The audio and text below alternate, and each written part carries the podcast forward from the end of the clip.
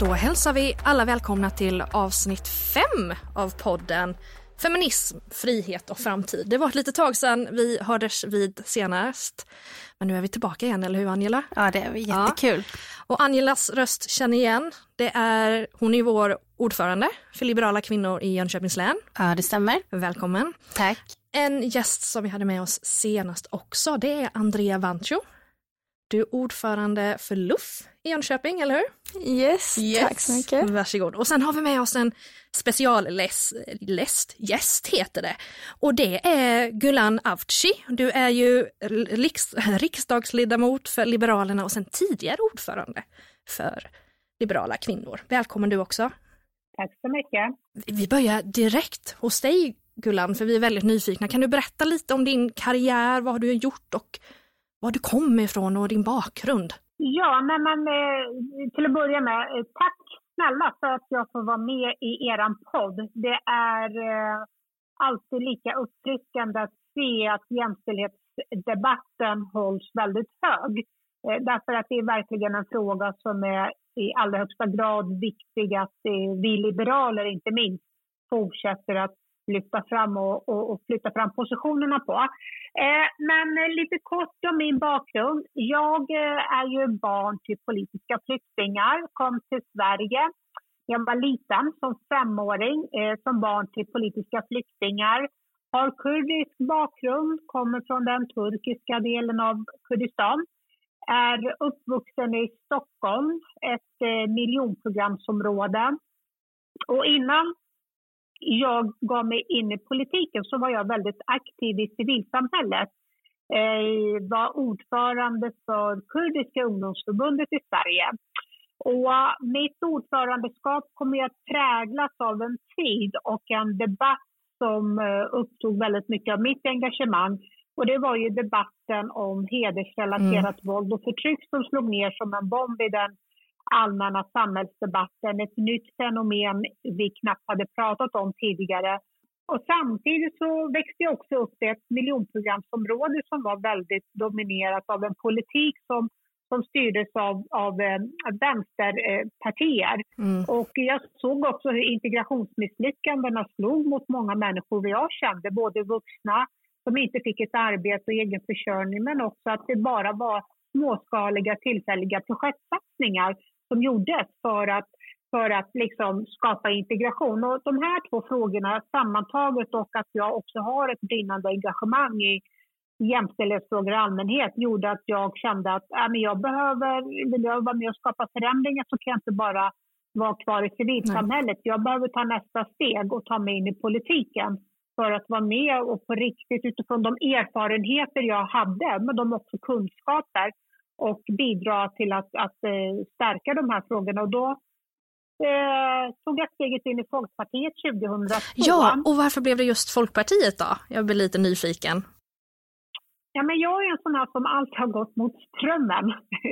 eh, och I Bredäng så var det ganska naturligt att man som invandrare och kanske tjej skulle välja att engagera sig i antingen socialdemokratin eller Vänsterpartiet. Men för mig handlade det, för jag är också väldigt präglad av av det här frihetliga ideal inom min familj. Därför att även om vi flydde eh, på grund av min pappas politiska engagemang så levde i allra högsta grad frihetsfrågorna kvar i min familj. Eh, och jag kände att jag kan inte bara gå medströms och förväntas att gå med i någonting bara för att eh, det ska vara på det sättet.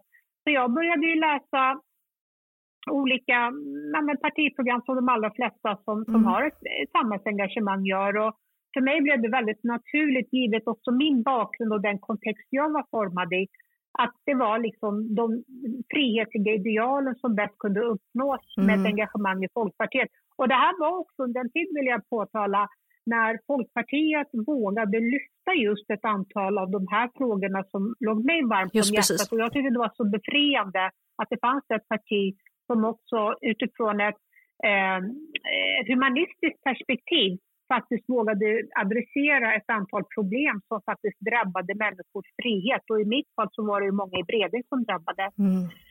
och sen, ja, nej, sen på den vägen är jag suttit i kommunfullmäktige i Stockholm i 12 år och sen tog jag klivet in i rikspolitiken och jobbar idag med skattefrågor. Och jag har ju varit ordförande för Liberala kvinnor i många år dessförinnan. Och, och, ja, men integration och jämställdhet är verkligen två frågor mm. som, jag, som jag brinner för och kampen mot hedersförtrycket. Så på den vägen är det. Mm. Ja men du är ju en känd profil. Eh vi ville bara ha lite mer närmare, för det finns ju de som lyssnar på oss som kanske inte känner till lika mycket om, om, om dig helt enkelt, så att de ska få lära känna dig lite bättre. Men vill ni flika in någonting här tjejer?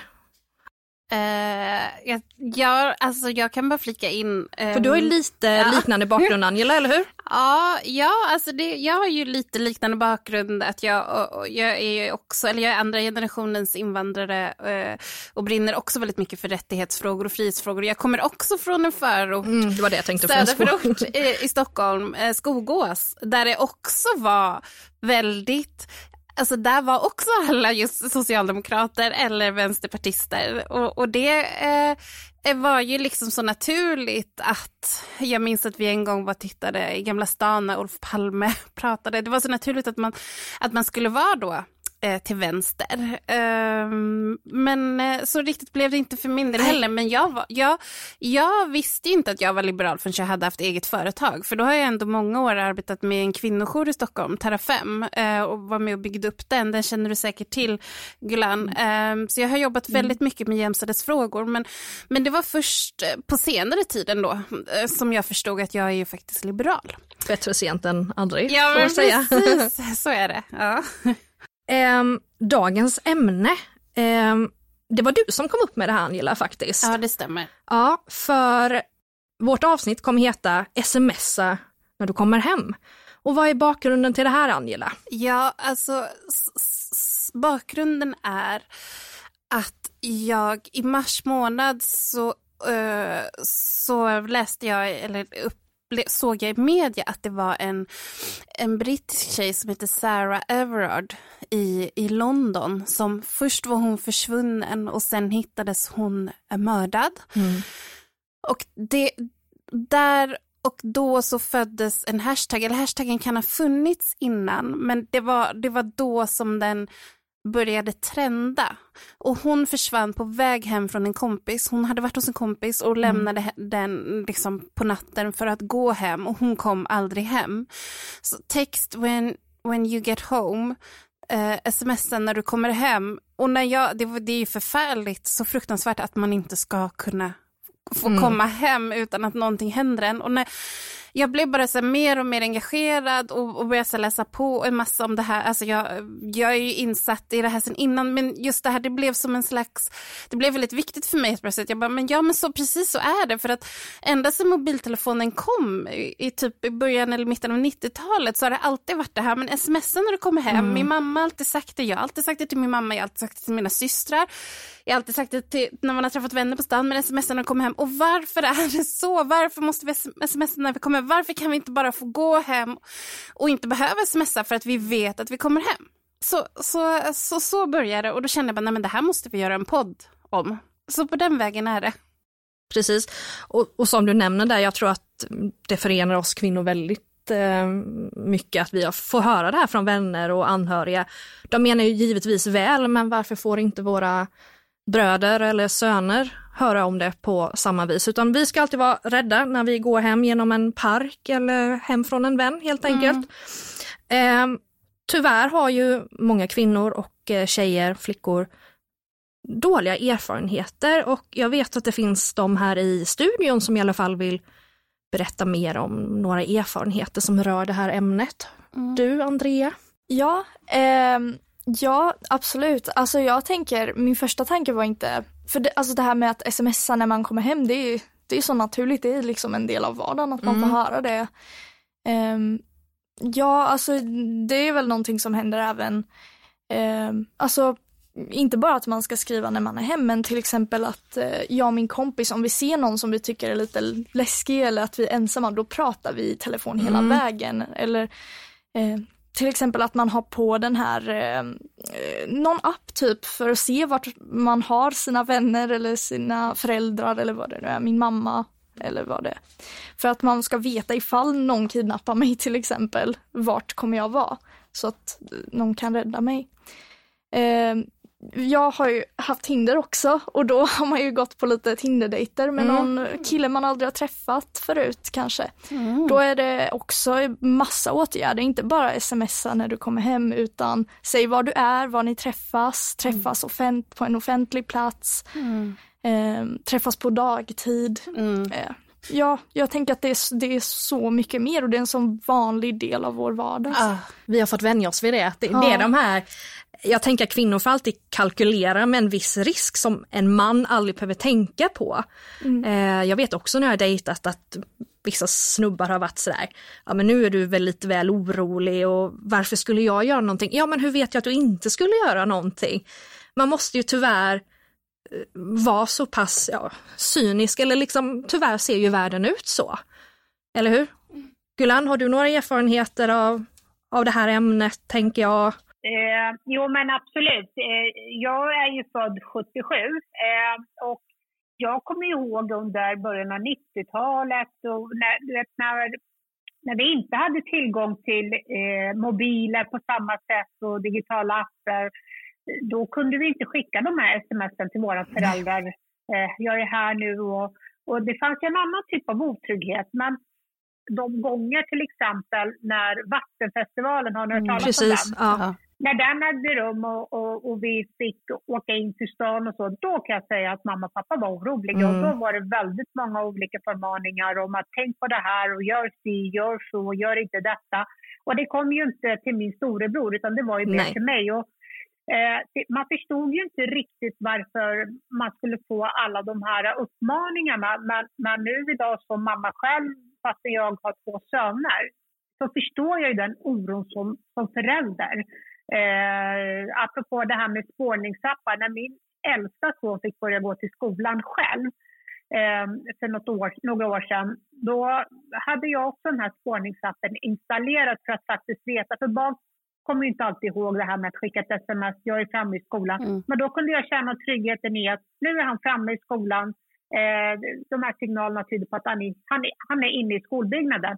Men mm. den här otryggheten som jag själv som kvinna upplevde, den kom ju liksom, ju äldre jag blev. Mm. Eh, till exempel när man åkte taxi, man, man, man registrerade eh, registreringsnumret, skickade ett sms till någon nära bekant. Bara, nu åker jag taxi, det här är registreringsskylten. Eh, så du vet om, om liksom, man inte hör av mig. Och, och, och eh, BRÅ, alltså Brottsförebyggande mm. rådets årliga rapport rapporter som mäter otryggheten i det offentliga rummet är ju ett väldigt bra eh, eh, en bra mätare på att otryggheten faktiskt har brett ut sig i samhället. Mm. Dels är det ju en upplevd otrygghet, alltså när saker och ting händer och man inte känner den här fullt ut tilliten till rättssamhället att faktiskt kunna skapa trygghet. Mm. För mig som kvinna eller en ung tjej att kunna röra oss fritt i det offentliga rummet utan rädsla den, den aspekten har ju ökat. Men sen finns det de som faktiskt har blivit utsatta för olika typer av, av brott. Eh, för det här är ju mm. brottsliga handlingar mm. ska man komma ihåg.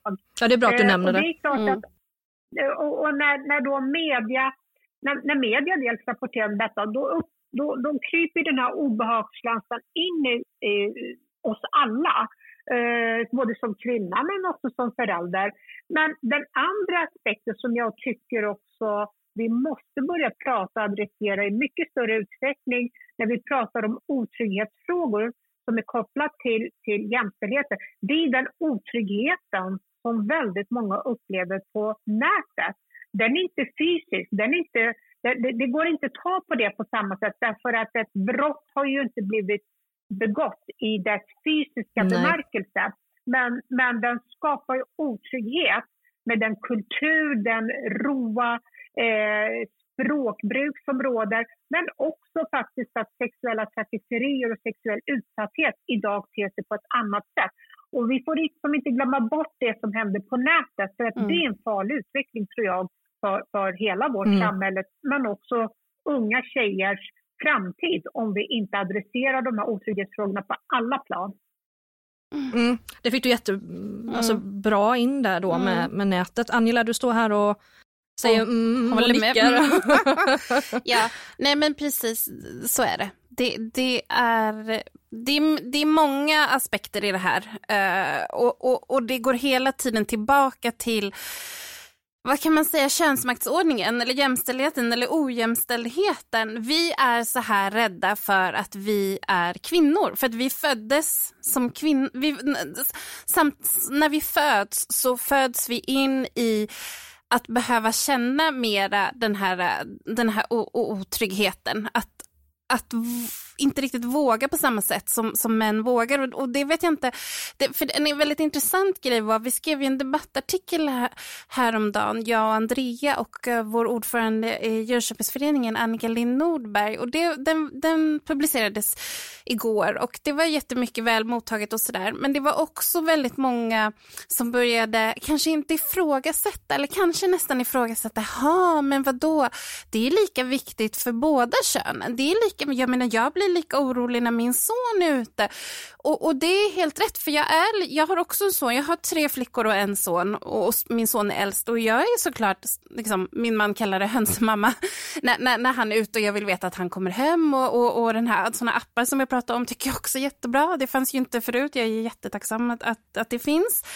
Eh, men, men jag känner lite, då har man inte riktigt, när man, alltså det är också ett problem. Och det måste vi också arbeta med. Och det kan, där kan vi liberalerna göra jättemycket med det här med unga pojkar som, som drabbas av personrån och förnedringsrån och sådana här grejer. Men det är bara att just den här diskussionen som vi har här och nu, den, här, den beror på ojämställdhet.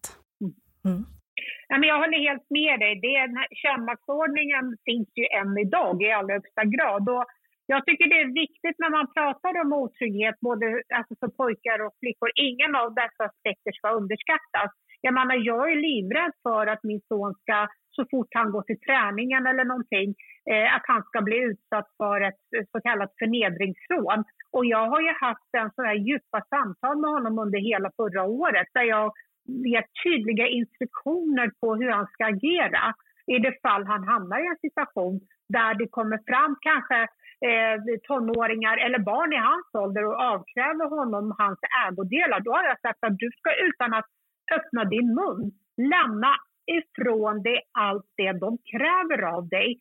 Eh, mm. om det även innebär att du behöver gå hem naken så ska du fan göra det. Mm. Och du ska absolut inte provocera. Så att unga killar är, är utsatta för en risk att, att uppfattas som provocerande ute. Men tjejer, de utsätts ju på många olika fronter.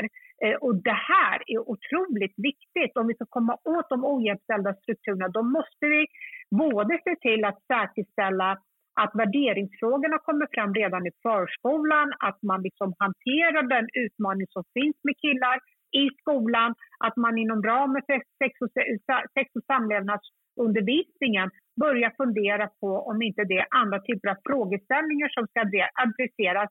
Men, men det handlar om så många olika aspekter och, och jag tror att det är farligt om vi negligerar den utsatthet som flickor och kvinnor utsätts mm. för idag. Mm. Och det är därför jag lite återigen knyta till det jag inledde med. Liberalerna, liberala kvinnor, våra ungdomsförbund, alla vi har en jätteviktig uppgift att fortsätta säkerställa att de här frågorna inte bara är högt på agendan utan mm. att vi faktiskt ser till att skapa förändringar som gör skillnad på riktigt. Precis.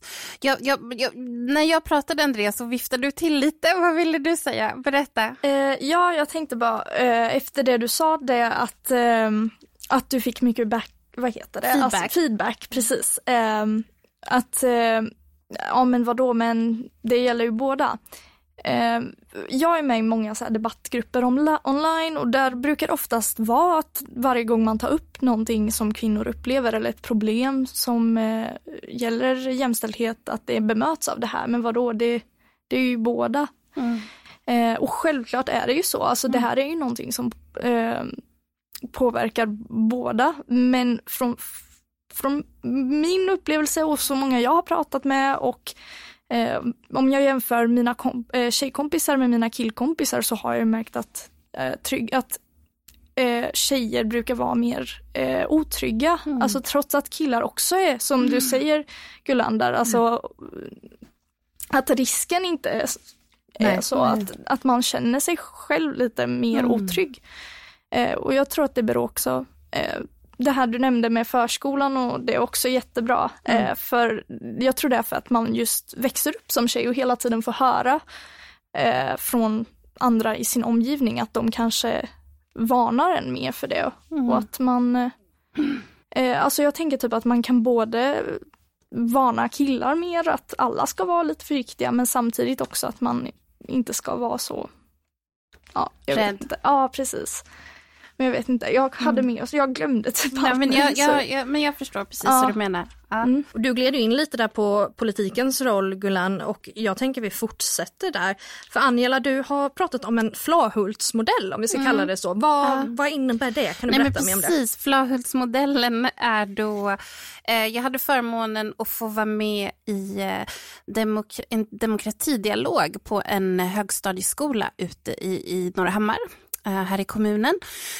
Och där så, Eh, så jobbar de på ett annorlunda sätt än vad man gör i de flesta andra högstadieskolor, i alla fall som jag känner till. De, de är ganska så unika, i alla fall i vår kommun eller i vårt län skulle jag säga, med att de har någonting som heter MVP, mentorer i våldsprevention, eh, som handlar om det här med att bygga värde, alltså att etablera värdegrunder och få, få ungdomarna att tidigt förstå hur man ska förhålla sig och det här med samtycke och att, och att alla, alltså alla, har rätt, alla har rätt till sin egen frihet och rätt till att göra vad man vill men man får inte inkräkta på någon annans område och, och såna här äh, grejer. Och i alla fall, det som är, för, det, för det tror jag väldigt många skolor har, just att man får in MVP på något sätt. Man har ofta så här, kanske temadagar eller så här, nu ska vi gå till aulan och prata om det här och så. Men det som är så häftigt med Flöhultsmodellen det är att man har schemalagt det här på, på, på lektionstid under tre års tid i så olika sjok och olika, mm. ja de kanske, pratar, de kanske pratar fem lektioner om samtycke och sen pratar de fem lektioner om, om liksom det här med mobbning och kränkningar. Och, alltså, eh, under hela högstadiet så arbetar de på olika sätt för för att skapa Alltså det låter konstigt att skapa bättre människor, men att, att skapa mer tillåtande eh, kultur. Och ja, men när de berättar det här, och de berättar också om så att, att fältassistenter på, på gymnasiet, för nu har de gjort det här i fyra, fem år och då börjar ju elever som har gått hela den här högstadieperioden, börjar nu komma upp på gymnasiet. Och då var det, är det fältassistenter som har sagt så här, ja men alltså vi, vi, fattar ganska tidigt vilka ungdomar det är som kommer från Flöhultsskolan. Därför att de har med sig ett helt annat perspektiv, ett mycket bredare, mer förstående perspektiv än vad andra ungdomar har när de kommer till gymnasiet. Och det var bara så här, wow, så att jag känner så här, den här flautsmodellen, tänk om, om, tänk om alla skolor skulle kunna ha den och, ha, och schemalägga det här MVP. Jag, jag tror vi skulle kunna spara så mycket pengar för skattebetalarna och också lidande. Alltså det, det, jag, jag, är helt, jag blev helt förälskad i, i den modellen. Vem är det som kommer, är det någon utifrån som håller i de här eh, undervisnings... Eh, det är ett undervisningsmaterial och eh, eh, MVP är någon person på Skolverket som arbetar med jämställdhetsfrågor har tagit fram det här tillsammans med eh, kvinnojourer. Mm. Eh, och det är ett genomarbetat äh, material som, som används. Men sen så är det ju att fritidsledarna på Flahögskolan, de har ju gått en utbildning i det här. Och till de som leder och driver okay, det, det, här mm. och det är de som undervisar. Och det är just när, när det är så att pedagogerna själva får den här tryggheten och den här grunden, det är då de kan liksom så här, äh, leverera det vidare mm. ut till eleverna. Det låter jättespännande. Jag tror ju verkligen, jag, jag, det, det, du berättar Angela, jag tror att det är liksom, du är inne på någonting viktigt. När det blir, alltså det måste schemaläggas tror jag, eh, vissa saker för att det också ska nås ut brett till alla elever. Men, men jag tänkte på två saker, eh, apropå det som Andrea var inne på. Eh, Alltså just det här att när man lyfter en fråga så riskerar du att liksom negligeras och, och, och liksom tunnas ut till en, en, eh, en bagatelliserad diskussion. Häromdagen så var det eh, ett nyhetsinslag i Aktuellt som handlade om att intresset för börsen ökar bland eh, unga och i synnerhet bland, bland eh, tjejer. Och det är jätteviktigt det här med ekonomisk frihet och att det skapas möjlighet för fler att kunna eh, spara till egna buffertar.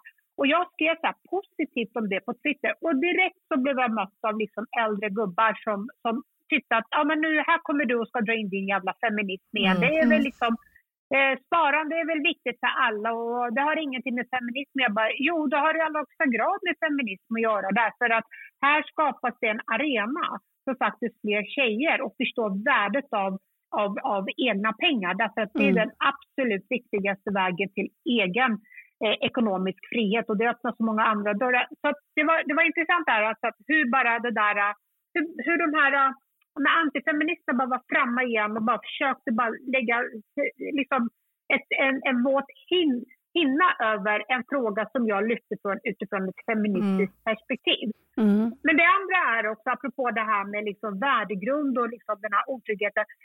Alltså jag höll på att gå i taket när jag läste om att, att unga killar Mm. Att man liksom uppmanade varandra att göra videoklipp där man tafsar på tjejer och lägga upp det på den här förlåt mig, men vidriga sociala plattformen TikTok. Mm. Du vet, det är så här, fler borde ju reagera och det här kokar ju någonstans ner till att föräldrarna i första hand måste fan ta de här diskussionerna mm. med sina söner.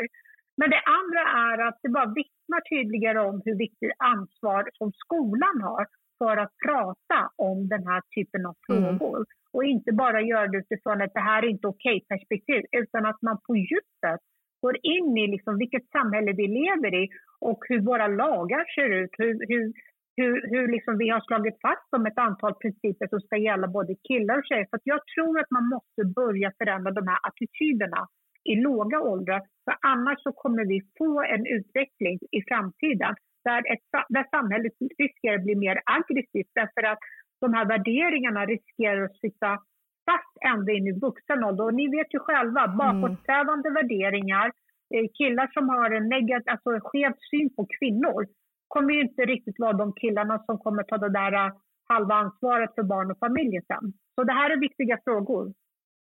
Alltså, för jag är ju online mycket och pratar och det vanligaste feministdebatten, det är inte hur ska vi göra kring det här, bla bla, utan det blir, är det jämställt? Eller så här, nu pratar vi liksom är det verkligen jämställt eller behöver vi ens göra någonting mm. åt? Är det verkligen ojämställt? Ja, det, är, det är väl redan jämställt? Exakt och det är liksom det vanligaste man får debattera med folk. Mm. Eh, eller det är det vanligaste mm. erfarenheten jag har nu för tiden. Och jag måste bara, jo men det finns ett liksom lönegap. Det mm. existerar, det är inte falskt. Det är så här, och det är väldigt synd att det inte lyfts upp eh, tydligare liksom i mm. skolan och mm. sånt. Eh, samt eh, sa du någonting intressant i slutet. Först sa du det här med att många nekade, sen sa du något annat. Kan du bara påminna mig lite? För jag Tafsardagen eller? Just det, ja. Mm.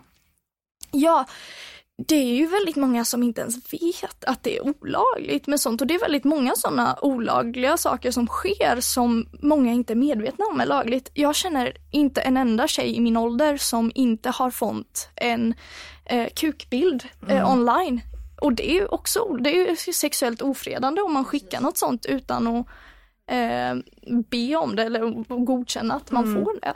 Det visste mm. inte ens jag heller förrän bara några månader mm. tillbaka. Men jag alltså det vet ju, jag tror varken att de som gör det vet att sånt är eh, olagligt och att det inte är okej okay, mm. och att det är trakasserier. Eh, men inte de som, alltså tjejerna som får det heller. Nej. Eh, för jag, jag, och min kompis fick reda på det för väldigt kort tillbaka och vi har sagt att vi screenshotar och så ja. skickar vi in det till polisen Jättebra. för det är ju mm. olagligt mm. liksom. Det är, det är vår rättighet. Men jag, jag, tänker att det är ju ytterligare en grej som verkligen borde komma på, på i utbildningen. Alltså, alltså, dels givetvis att man inte ska skicka dickpics men sen också att det är att det är sexuellt ofredande, uh, olagligt att skicka och att man, man, det kan bli repressalier om man gör det. Mm. Absolut. Det är uh. synd att vi inte vet våra rättigheter själv. Alltså, ja, som det är tjejer, någonting att... mer. Vi pratade ju här med, vi vi tre här i studion eh, med Barbro Westerholm just det här om, om sex och samlevnads och samtyckesundervisning mm. och det är ju lite på gång nu att förändras och där borde mm. man ju också verkligen väva in mycket av det här eh, som vi har pratat om nu. Absolut. Nej, men jag tänker på två saker. Men det är helt rätt det här att, att äh, allt det som... Man måste komma ihåg att, att äh, även det som sker på nätet äh, är ju olagliga handlingar. Eh, och det är det ena. Det andra är att jag menar det här med tafsarkultur det, var ju, det, det förekom ju också när jag gick i skolan. Mm. Eh, den som blev tafsad på, det var liksom, man blev erkänd som en cool tjej och, du mm. vet, och sen var det liksom killarna fick en ryggdunk och sådär. Mm. Så den kulturen har ju alltid funnits. Problemet är med sociala medieplattformar så har det där liksom radikaliserats. Nej men det här med, med liksom att vi, vi är klara med de feministiska jämställdhetsvindarna. Eh, jag tror det är farligt om man eh, köper den argumentationen. Ja, Sverige är ett av världens mest jämställda länder. Vi ligger liksom i, front, i, i, i framkant när det gäller jämställdhet mellan män och kvinnor. Men det finns otroligt mycket orättvisor i Sverige också. Mm. Vi har en, en, ett, ett samhälle där det blir allt mer otryggt för flickor och kvinnor att vistas i det offentliga rummet. Vi har populistiska partier, inte bara i Sverige, men populistiska krafter som har flyttat fram sina positioner i den fria delen av världen. Eh, inte minst här i, i, på den europeiska kontinenten, mm. där kvinnors rättigheter sakta, sakta naggas vid kanten. Och man ska komma ihåg en sak. I en demokrati, när inskränkningar görs så är det alltid flickor och kvinnors rättigheter som ryker först. Så det här påståendet att vi är klara med jämställdheten, den är farlig, inte minst för liberaler. Därför att när man anser sig vara nöjd med samhällsbyggandet, det är då man riskerar att missa mm. när inskränkningarna kommer i smyg. Så, så återigen är det otroligt viktigt att vi nu börjar flytta fram positionerna och försvara både den kamp som har drivits för hundra år för att vi, alla som är med i den här podden, ska kunna leva som fria kvinnor. Men vi måste också kämpa för de orättvisor som finns för vår generation och se till att vi lämnar ett samhälle till nästa generation mm. som är ännu bättre att leva i. Och den här insikten tycker jag ska vara någon form av bibel för vårt parti nu när vi tar oss an de stora utmaningar eh, samhället står inför. Inte minst efter pandemin. Därför att är det någonting mm. det har pratat alldeles för lite om, det är vilka hur det har förstärkt de ojämställda strukturerna mm. av mm. pandemin. Inte minst på arbetsmarknaden. Ingen pratar knappt om att det framförallt är kvinnor nu som drabbas av Nej. den höga arbetslösheten av de branscher nu som blöder. Och det kommer bli jättetufft för dem att komma tillbaka på arbetsmarknaden. Och inte minst är det viktigt att liksom vi, vi, vi, vi vidtar nu rätt åtgärder för att se till att jämställdheten är högst satt på agendan också i pandemiarbetet. Mm. Wow, det blev väldigt långt mm. inlägg men ni Det är jättebra. Jag brinner ju för det här. Ja. Det är jättebra, det är och, jättebra. Och det märks att du brinner också. Ja. Det är jättehärligt att höra. Vad kan eh, politiker göra mer? Vad, vad, kan liberala kvinnor, vad kan liberalerna göra mer för att Ja, vad har säkra... liberalerna gjort? Ja, absolut. Det får gärna du berätta lite om Gulan, för, för du, du gjorde mycket eh, som, som ordförande i Liberala kvinnor, men det sker ju också väldigt mycket. Jag tycker så här var och varannan vecka att Liberalerna kommer med någonting nytt och bra för jämställdheten, inte minst när det gäller hedersrelaterat och frågor som rör barn. Absolut. Där har vi verkligen under den här mandatperioden visat på att de här frågorna är våra starka hjärtefrågor. Både att stärka eh, med civilsamhället och kvinnojourerna, se till nu att att, att med de otroligt stora kunskapstappen vi ser nu vid skolan som framförallt riskerar att drabba flickors skolgång, att, att det arbetet förstärks. Vi har flyttat fram positionerna vad gäller både lagstiftning i arbetet mot hedersrelaterat våld och förtryck. Eh, det görs väldigt mycket. Men jag mm. tror också att vid sidan av allt det viktiga som görs så måste man också värna alla de viktiga feministiska landvinningar som har gjorts. Det handlar om aborträtten till exempel. Det handlar om att säkerställa att, att till exempel eh, arbetet mot våld mot kvinnor eh, trappas upp. Att vi säkerställer att kvinnojourer fortfarande får eh, andra förutsättningar än vad de har idag för att kunna hjälpa våldsutsatta kvinnor eh, som flyr från vidriga eh, äktenskap eller förhållanden. Så att, mm. så att vi har verkligen gjort avtryck, men jag tror liksom inte... Nu gäller det att adressera de nya utmaningarna vi ser. Mm. Men kommunerna har ju också ett viktigt ansvar. Jag Precis. tänker när vi, om vi ska gå tillbaka till det här med trygghetsarbete. Det handlar ju, och det, och det lyfter ju ni inte minst i er debattartikel. Alltså stadsplaneringen, hur ser den ut? Det är i allra högsta grad en kommunal fråga. Hur skapar vi trygga promenadstråk? Hur skapar vi mer upplysta områden? Hur ska vi tänka när vi bygger så vi inte bygger stora cementblock där, där det skapas allt för stora trånga mörka gränder och utrymmen. Mm. Så, att, man kan också göra väldigt mycket på kommunal nivå och jag tycker liksom att ni hade en otroligt bra ansats i era debattartikel där ni inte bara pratar liksom om att Åh, nu är det otryggt i samhället utan att ni också konkretiserar vad man kan göra inte minst på kommunal nivå. För att jag tror att det stora jobbet behöver göras lokalt där människor bor och lever och verkar. Angela, debattartikeln där för de som inte har hunnit läsa eller kan, ni, kan du bara berätta lite om vad ni gör på kommunal nivå? Ja, eller det vi Eller vill, vill, det vi vill göra. Ja, precis. Alltså, en del görs ju och en del görs säkert som jag inte känner till heller. Men, men, men det som jag, Andrea och Annika skrev om som vi vill se mer av är ju just, dels är det att faktiskt, att faktiskt ta reda på mer om vilka områden det är som upplevs som mest otrygga. Uh, för det är ju det, jag menar, om, om någon råkar ut för något så gör man kanske en anmälan, men kommer den till kommunens stadsplanerare tillhanda? Hur fungerar det? Och sen också att, att, att, att det ska bli, för det finns ju medborgardialoger om både det ena och det andra och då, kan, då borde vi ha lite dialoger om det här med trygghet och tryggheten i stadsplanering och kanske också titta på nya möjligheter. Nu har vi så mycket digitala möjligheter här har vi tagit jättestora steg senaste året så att man, man kanske inte längre måste ha en medborgardialog där folk sitter och tittar varandra, eh, liksom sitter och stirrar fram, varandra framför ett bord utan att man kanske kan köra, jag vet inte, medborgardialog via sms eller på något sätt. Alltså det, man kanske kan ställa frågor till någon medan de är, nu låter det här eh, lite ytligt, men är och shoppar eller gör något annat. Alltså det måste inte vara det här, eh, nu ska vi sitta tre timmar och reda ut saker och ting, utan det kan vara på ett enklare sätt, ett mer digitalt sätt ta reda på, för då tror jag att fler tjejer skulle ha möjligheten att engagera sig och vara med och berätta. Och sen så det vi också tyckte var ju att, att kommunen ska engagera sig mer i det här att skapa Alltså att etablera, det pågår ju givetvis samverkan med civilsamhället, men också att,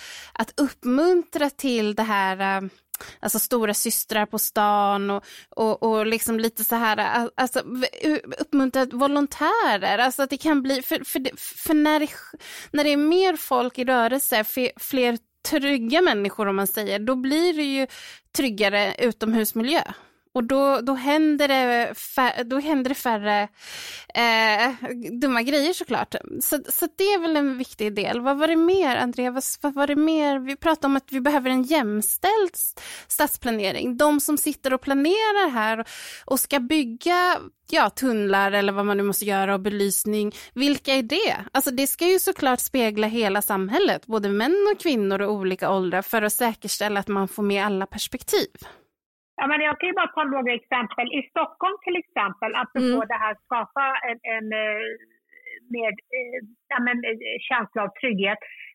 Man har ju infört något som kallas kvälls och nattstopp med Mm. bussar. Ni vet ibland när man tar bussen och så, så är det kanske 2, 3, 400 meter bort från hemmet.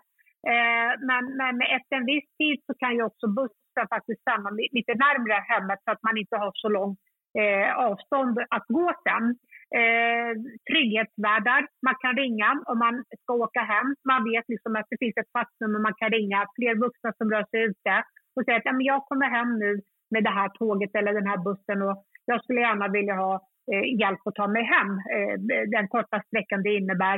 Eh, men jag tror överhuvudtaget, apropå civilsamhället, att man bör liksom stärka dem så att det finns fler vuxna ute i, i centrumkärnan, i bostadsområdena eh, som kan prata med ungdomar och bara av att man finns ute eh, och är synlig som vuxen så tror jag också att det förhindrar unga, inte minst killar då, att, att eh, ens tänka på tanken att liksom, eh, gå omkring och skapa massa stök. Men sen handlar det givetvis om tillgången av fler lokala poliser.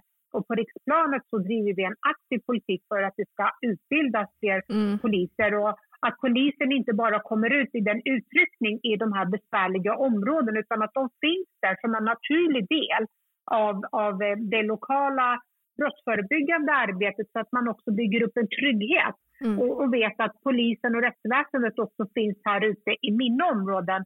Ehm, för det skapar ju också en viktig trygghetskänsla. Så att, så att man kan göra väldigt mycket. Det, det behöver inte alltid kosta mycket, men jag tror att det är prioriterade satsningar för att, för att fler tjejer och kvinnor ska känna sig trygga. Mm. Mm. Verkligen, jättebra grejer du kommer med där, Gulan. Absolut. Mm. Ehm, om vi ska gå vidare lite här i Mm. programmet så nu ska vi ta upp en eller, väldigt tråkiga händelse som faktiskt är ehm, den värsta utgången som kan ske. Ehm, När någon ju- inte kommer hem. ja, precis. Och det är ju flickor och kvinnor som varje år försvinner. Som hittas mördade. Vi har några kända namn. Vi har Lisa Holm som vi minns. Vi har haft två kvinnor här nyligen. Emilia i Tollarp och Vilma. Eh, och gemensamt är att gärningsmannen har ofta varit en man eller en kille i, i närmiljö, i ens innersta krets på någonting. Och vi matas ju med de här historierna. Man, man hittar en ung kvinna död eller liksom eh, våld i nära relationer också, en, en hustru som slås ihjäl av sin man och så vidare. Ehm, Ja, det är ju egentligen mera vanligt. Jag tror av de du nämnde just, så Lisa Holm tror jag inte hade en relation med den. Alltså Nej, det vet så var det jag. inte. Det- Men- det var tvärtom någon Precis, det är bra att överfalls, m, våldtäkt och mord. just det. Eh, men, men det är ju egentligen de här, alltså det är ju egentligen mycket större risk att man råkar ut för något, f- för något från någon som är i ens nära närhet. Alltså en s- s- eh, man eller pojkvän. Eh, det är ju det absolut vanligaste. Men det är intressant det där, därför att man ska komma ihåg att ibland kan det uppfattas som att det, de allra flesta eh, överfallsbrotten, eh, att de sker offentligt av okända gärningsmän. Men de, det är ju faktiskt tvärtom. De allra flesta eh, ja, men, eh, brotten mot kvinnor, det sker ju inom hemmets fyra Mm. ramar av en närstående. Någon. Och det är också så att jag tror att det är, det kanske, ja, ja jag tror att det är runt är det 23 kvinnor som mördas årligen. Ja, det är någonting partner. sånt i de att siffrorna. under lång... Ja, och, och det är ju liksom, det sker ju i hemmet. Ehm, så att jag tror att man måste ha flera tankar i huvudet samtidigt när man pratar om de här frågorna så att det inte bara uppfattas som en bild av att det, allting sker ute i det offentliga eh, eller liksom i utemiljön. Alltså jag, jag blir ju lika arg och frustrerad varje gång man hör om ett sånt här fall, hur en ung kvinna eller en kvinna oavsett ålder bragts om livet. Eh, av en man, okänd eller någon i ens, eh, vad heter det, närhet. Men någonstans så är det sådär, jag blir aldrig förvånad när det sker nästa gång. När man slår upp tidningen eller kollar på telefonen att jaha, nu var det dags igen ungefär. Eh, och sen finns det ju fall som inte blir så mediala som man inte har kanske lika mycket om. Eh, och jag kan bara känna, jag vet inte hur det är med er, men känner ni också att man blir inte förvånad för man är så van vid det här nu? Eller jag är helt Nej. ute, är jag för cynisk och helt ute och cyklar? Nej, eller? men så är det. Alltså, jag, jag tycker man blir påverkad varje gång att det, att, det, att det är fruktansvärt och det är orättvist och det borde inte få vara så här. Men den här förvåningen och förskräckelsen, liksom så här, men hur kunde det här hända? Nej, den finns inte längre för att nu är det tyvärr, nu, det har blivit liksom nästan vardagsmat. Liksom. Mm, och, det, mm. och det är förfärligt att det har gått så långt. Ja, jag vet inte. Alltså det beror nog på hur illa det är. Eller, Okej, alltså, ja. så här, jag tänker om någon blir mördad då blir jag alltid så här wow. För Ja. det är inte, eller jag brukar, jag kanske inte läser tillräckligt med nyheter men jag blir lite chockad när jag hör något sånt om ett mord eller något jättegrovt. Men lite så här, jag ska inte säga lättare, men alltså sådana här um, saker som eh, inte är lika grova som ett liksom mord. Som ja, men att någon blir våldtagen eller sexuellt ut, ut, utnyttjad eller förföljd. Eller, Nej, sånt blir jag inte alls förvånad av. Eh, det är ju verkligen som du säger vardagsmat. Det blir, eh, Men jag tycker nästan det är värre det här. Alltså, för det är trots Mm. allt, alltså den, den, den grövsta formen är ju ändå någonstans när en människa blir bragd om livet, alltså Mm. när du mördas. Mm. Eh, sen upphör ju det här lidandet någonstans. Mm. Men jag tänker också alla de kvinnor eh, som lever i, i, en, i en våldsutsatt relation mm. som varje dag, och det är inte alla som vågar anmäla utan man tvingas, alltså man någonstans så man lever kvar i den här destruktiva eh, relationen men att all, varje dag antingen blir slagen, eh, våldtagen, utsatt för fysisk eller mental misshandel. Alltså det är ju det, den tortyren, mm. eh, det, det, det, går liksom inte att beskriva den om man inte upplevt det själv. Och det är lite samma sak med liksom hela den här debatten om hedersrelaterat våld och förtryck. Det är väldigt få som blir mördade. Mm. Men det, de allra flesta tvingas varje dag att leva ett annorlunda liv som mm. inte innebär att man har tillgång till de friheterna vi har slagit fast ska gälla mm. alla individer i Sverige. Och det är ju liksom, det är någonstans värre tycker jag. Eh, de som tvingas att leva i, i det dolda. Eh, och där mm. tycker jag också att man kan fundera på huruvida samhället har lyckats eller inte när inte den här tilltron till samhället verkar finnas. Mm. Så att fler vågar anmäla, fler vågar söka hjälpen eh, och så blir man kvar. Och det här drabbar ju också, ska man ju komma ihåg, tredje part. Det, det, det barns utsatthet är ju bedrövlig mm. i, i våldsutsatta eh, familjerelationer. Eh, de är ju också offer för, för våldet och utsattheten som deras mammor eh, mm. tvingas leva med. Så att Ja, det, ja, men jag, ja, usch, jag, blir bara, jag blir bara förbannad. Mm, såklart, det blir man. Ja. Mm, förbannad och deprimerad blir man lite här när man står här. Ja. jo, men det är ju ett kvitto på den värld vi lever i. Att eh, så här illa kan det liksom gå. Mm. Eh, och, så, och att påstå då att jämställdheten skulle ha gått för långt eller feminismen har gått för långt. Ja, men här har du mm. ett kvitto liksom mm. på vad som kan ske. Jag tänkte, för eh, i Sverige, eller generellt överallt så är ju mörkertalet extremt stort när det mm. gäller liksom våld, speciellt inom nära relationer och sånt. Det drabbar framförallt kvinnor. Mm. Men då ska vi vara glada att i Sverige så, så är vi liksom bland de länderna mm. som är bäst på detta och vi har bland det minsta mm. mörkertalet. Eh, man, man, kan inte veta det exakt men det är så experter mm. har liksom sagt på ett ungefär att man tror. Eh, och ändå så är det ett enormt stort mm. mörkertal och jag tycker bara det är så skrämmande. Alltså vi har det bäst men ändå har vi det så dåligt. Och det är ju verkligen eh, skrämmande. Ja men, ja, men, men äh, ännu ett inspel då avslutningsvis är, hur kan man agera på kommunal nivå? Mm. Jag tror att det behövs mer civilkurage. Jag tror att fastighetsbolagen har ett otroligt viktigt ansvar Mm. Att skapa, eh, både eh, informera sina hyresgäster men inte minst, och det kan man göra i allmänna ordalag för att ingen behöver känna sig utpekad, men att man också informerar, aktivt arbetar mm. för att, att kvinnor som, eller tjejer med hedersförtryck som lever i hem eh, som är direkt under liksom, de här fastighetsägarnas ansvar att man också har informationsupplysningar till exempel om var man kan vända sig ja. för att få hjälp. Jag var ju mycket i Spanien och jag måste säga att där, alltså i den statliga televisionen, när du tittar på en film så finns det hela tiden en byline med information. Mm. Vart du kan vända dig om du är utsatt för våld eller, eller mm. så mm. vidare. Och det är någonting också som vi måste börja tänka på. Och någonstans, det som gör mig orolig det är just det här att vi har blivit lite av eh, men, jämställdhetsnarkomaner. Vi, vi, vi tycker liksom att vi är klara, så vi lutar oss lojt tillbaka medan vi ser att, att uh, utsattheten fortsätter leva vidare. Och, och, och därför liksom, åh, återigen, kampen är långt ifrån ja, över. Uh, vi måste fortsätta det viktiga arbetet. Mm. Verkligen, jätteviktigt. Absolut. Det är jättebra att du säger det här att man ska liksom veta vart man ska vända sig om man är utsatt. Mm. Men jag tycker även att det kan vara viktigt att ta upp tecken på att man är utsatt. För det är många som lever i de här situationerna mm. som inte är medvetna om att, eh, att det här inte är okej. Okay. Mm. Och det har blivit liksom en vardag för dem och att de är så vana vid det att mm. de inte inser att de ska söka hjälp. Det tror jag också är viktigt att förmedla för alla. Men ja, jag håller med dig, vi behöver verkligen mm. jobba mer på att veta också var vi ska vända oss till. Finns mycket att jobba vidare med helt enkelt.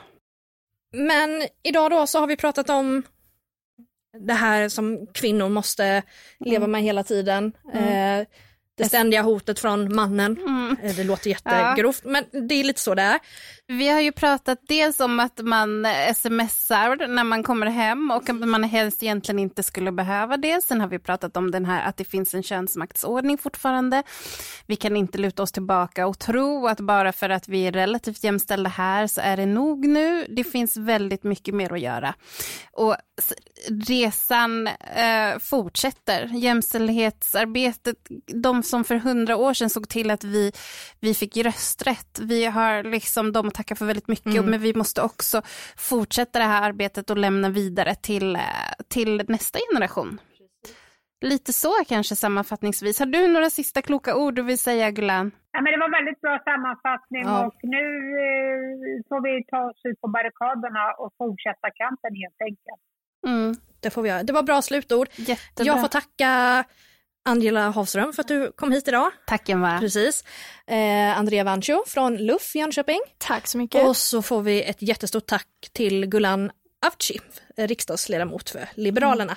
Tack så jättemycket Gulan. Och så på återhörande. ja, och tack alla som har lyssnat på oss. Precis. Och eh, jag som har lett er delvis genom det här programmet, även om Angela Helt. hoppa in ibland. det är Emma Krantz Ja. och eh, på återhörande. Ha det så bra.